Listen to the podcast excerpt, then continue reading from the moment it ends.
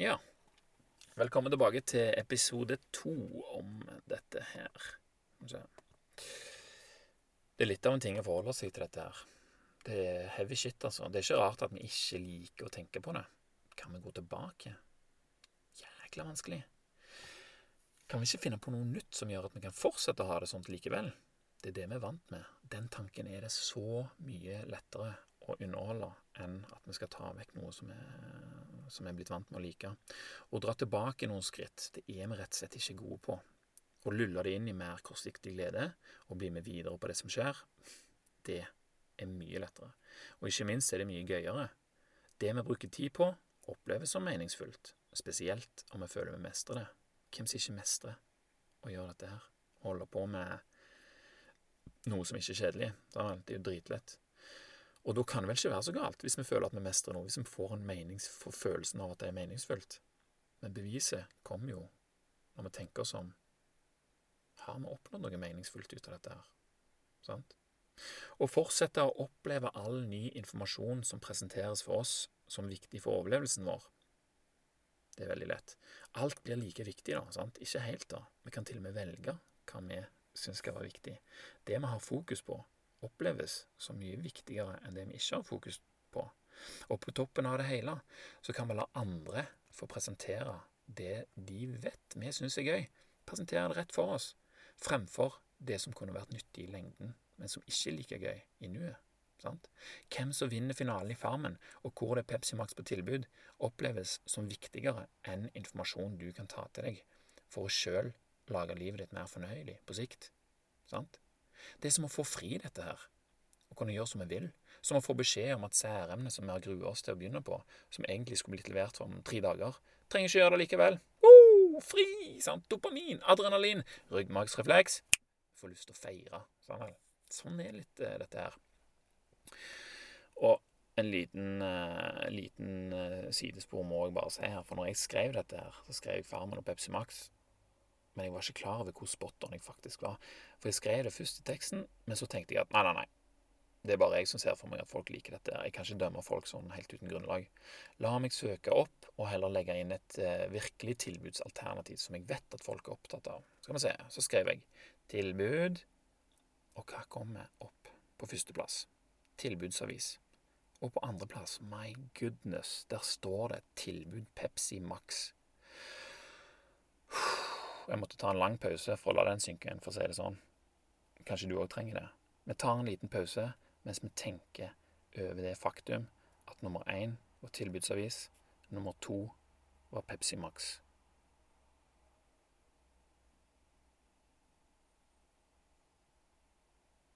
Sånn. OK.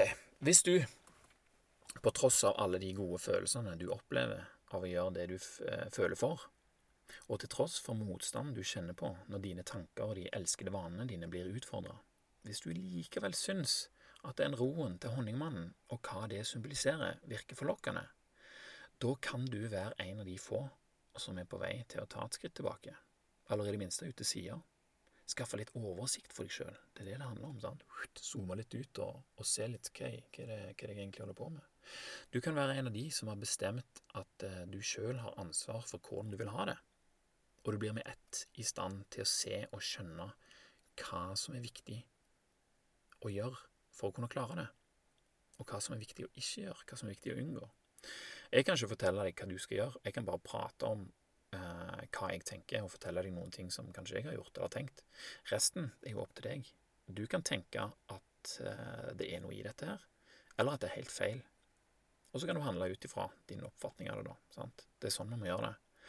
Honningmannen han kunne overlate mer til tilfeldighetene, sånn som han levde i sitt territorium. Sant? For han levde jo i et visst område, som vi kan kalle et territorium, miljø eller habitatet hans. Kroppen og hjernens funksjoner de stemmer mer overens med miljøet som han bodde i.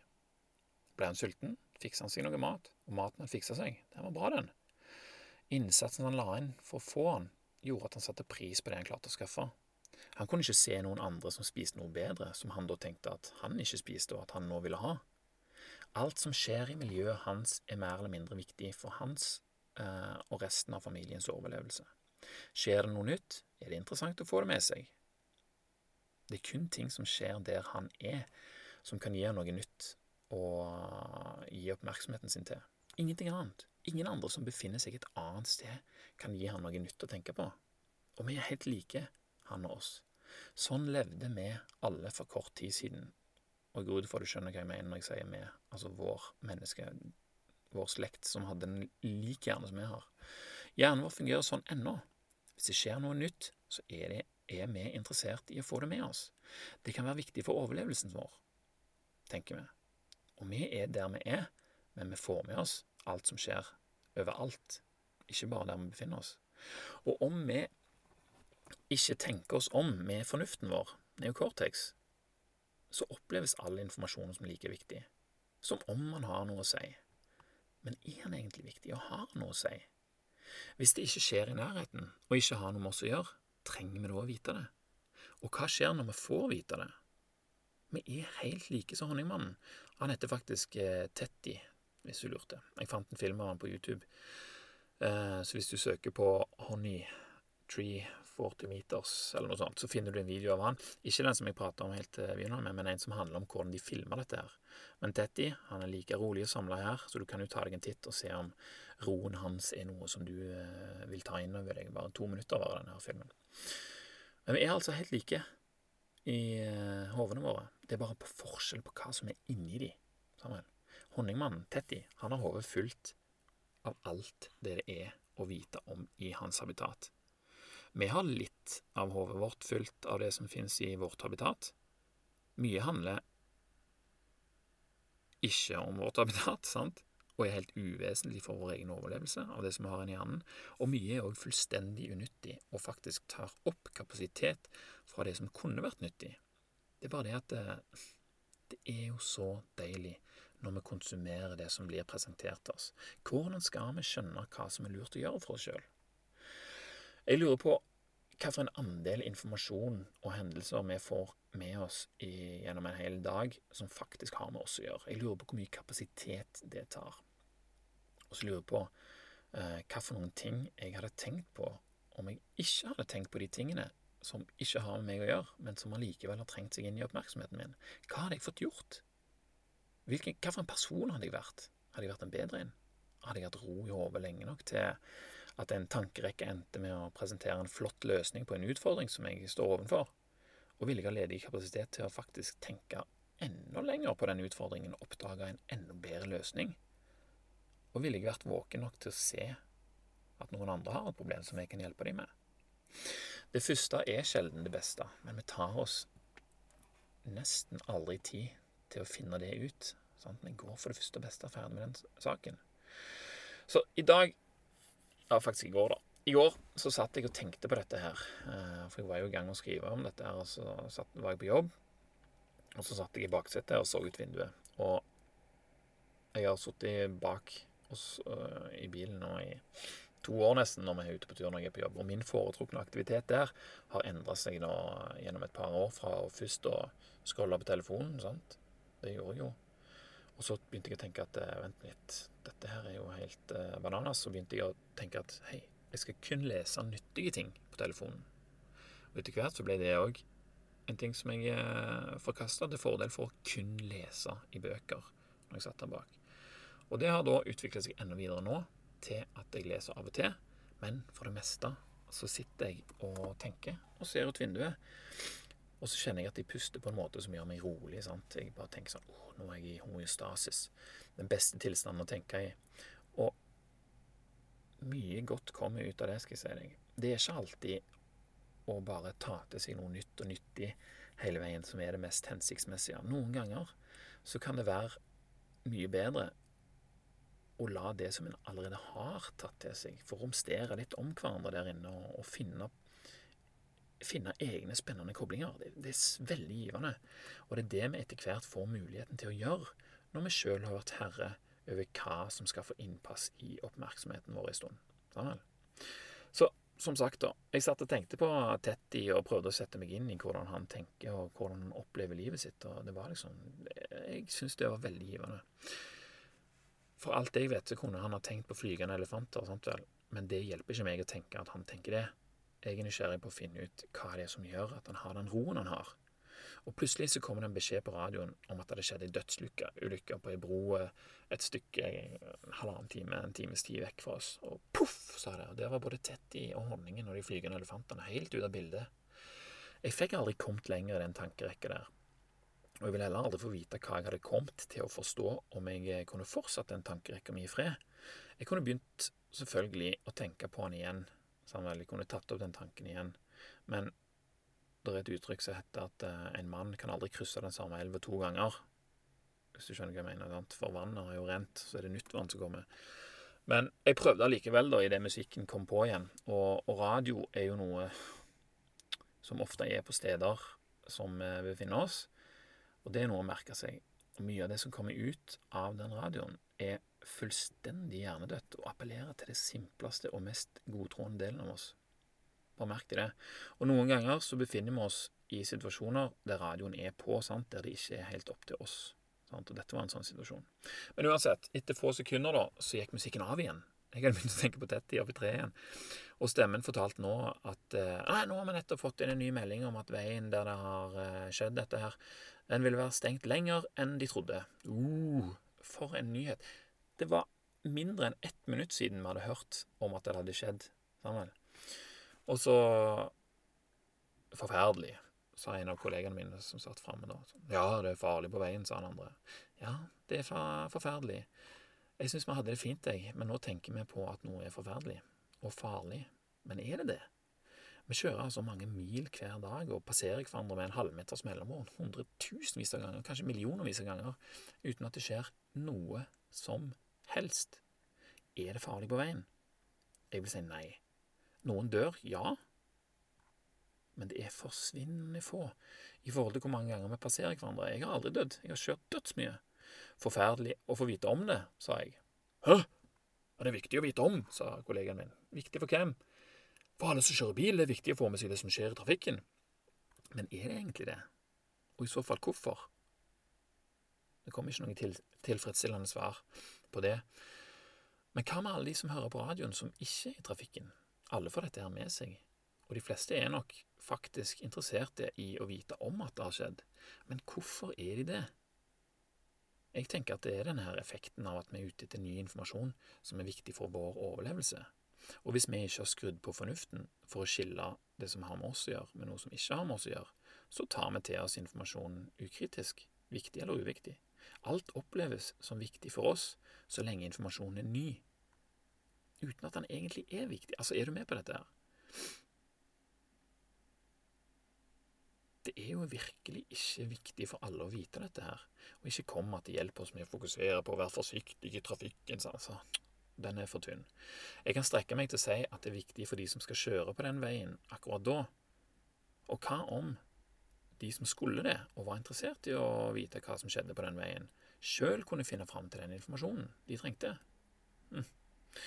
Sånn er det ikke. De kan jo gå og finne den informasjonen, men de får nok mange andre plasser.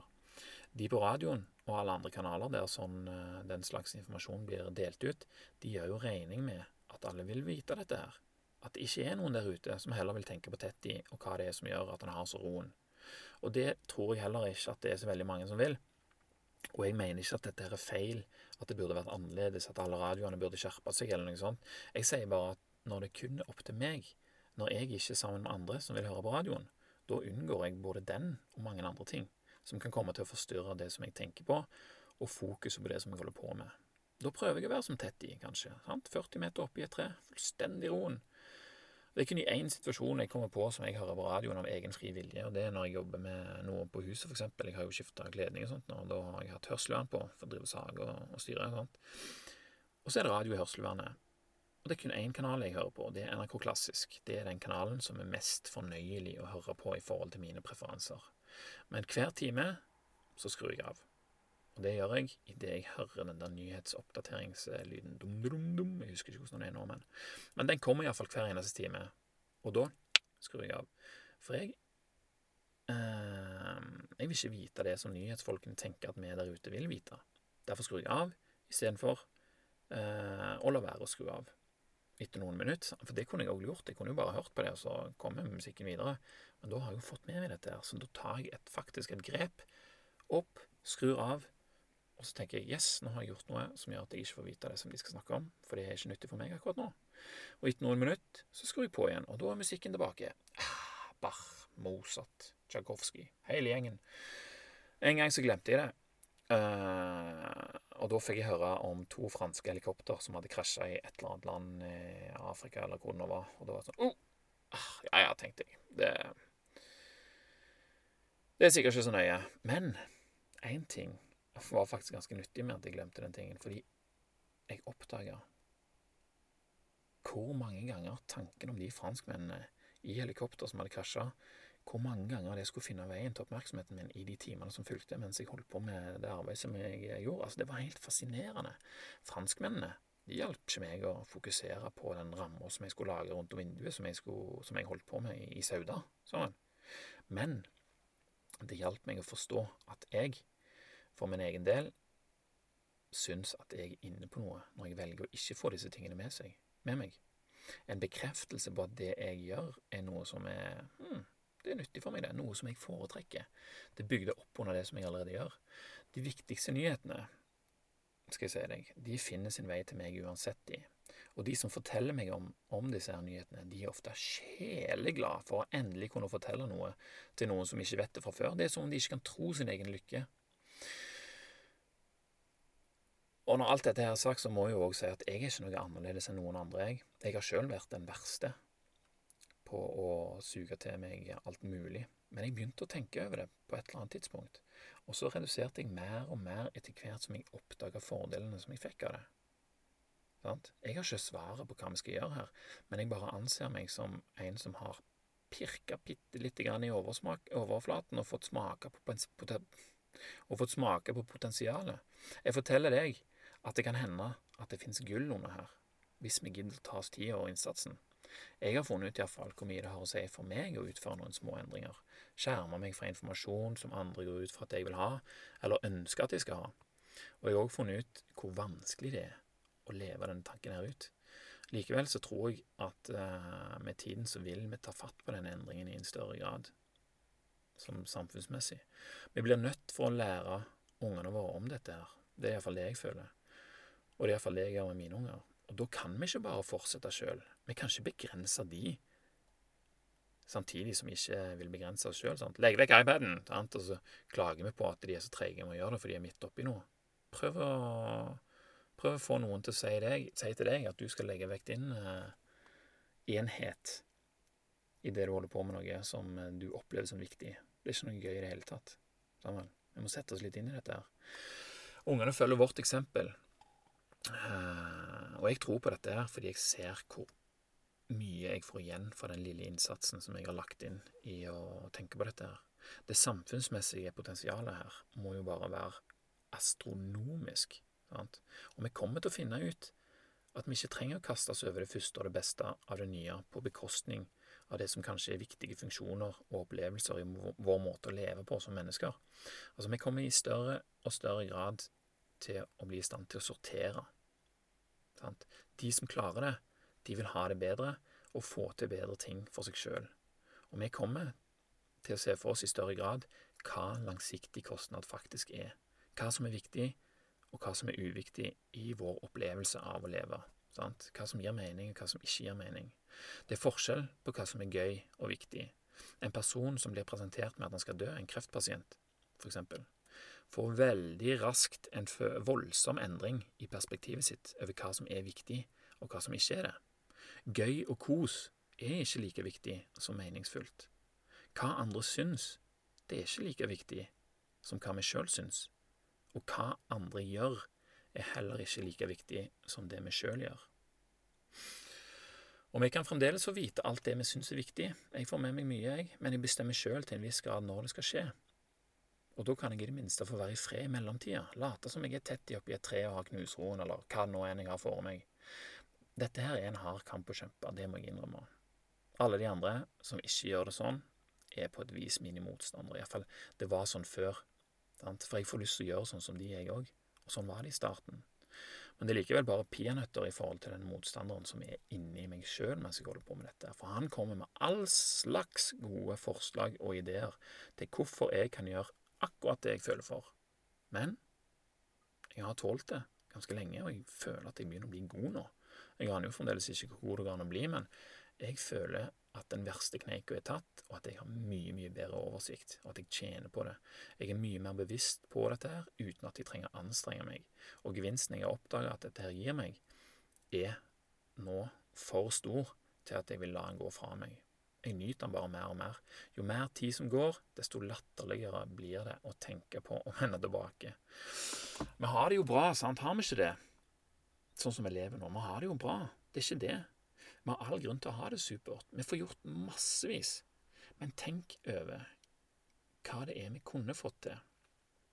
Kunne du bytte ut 100 småting som du har fått til, som egentlig ikke har noe å si for det videre livet ditt, med kapasitet og fokus til å kunne gjennomføre én stor ting over tid som vil endre livet ditt for alltid? Kunne 100 overfladiske postkort vært bytta ut med ett meningsfullt brev? Når vi omfavner nye ting, så er det aldri lett å vite hva det kommer til å fortrenge. Men hvis vi er bevisste når vi fjerner noe som vi ikke lenger vil ha, så blir det lettere å fylle det tomrommet med noe som vi faktisk ønsker oss. Er du med på den? Jeg håper det. For det var alt for i dag, folkens. Takk for meg. Takk for nå, og tusen takk til deg som hørte på. Vi snakkes seinere.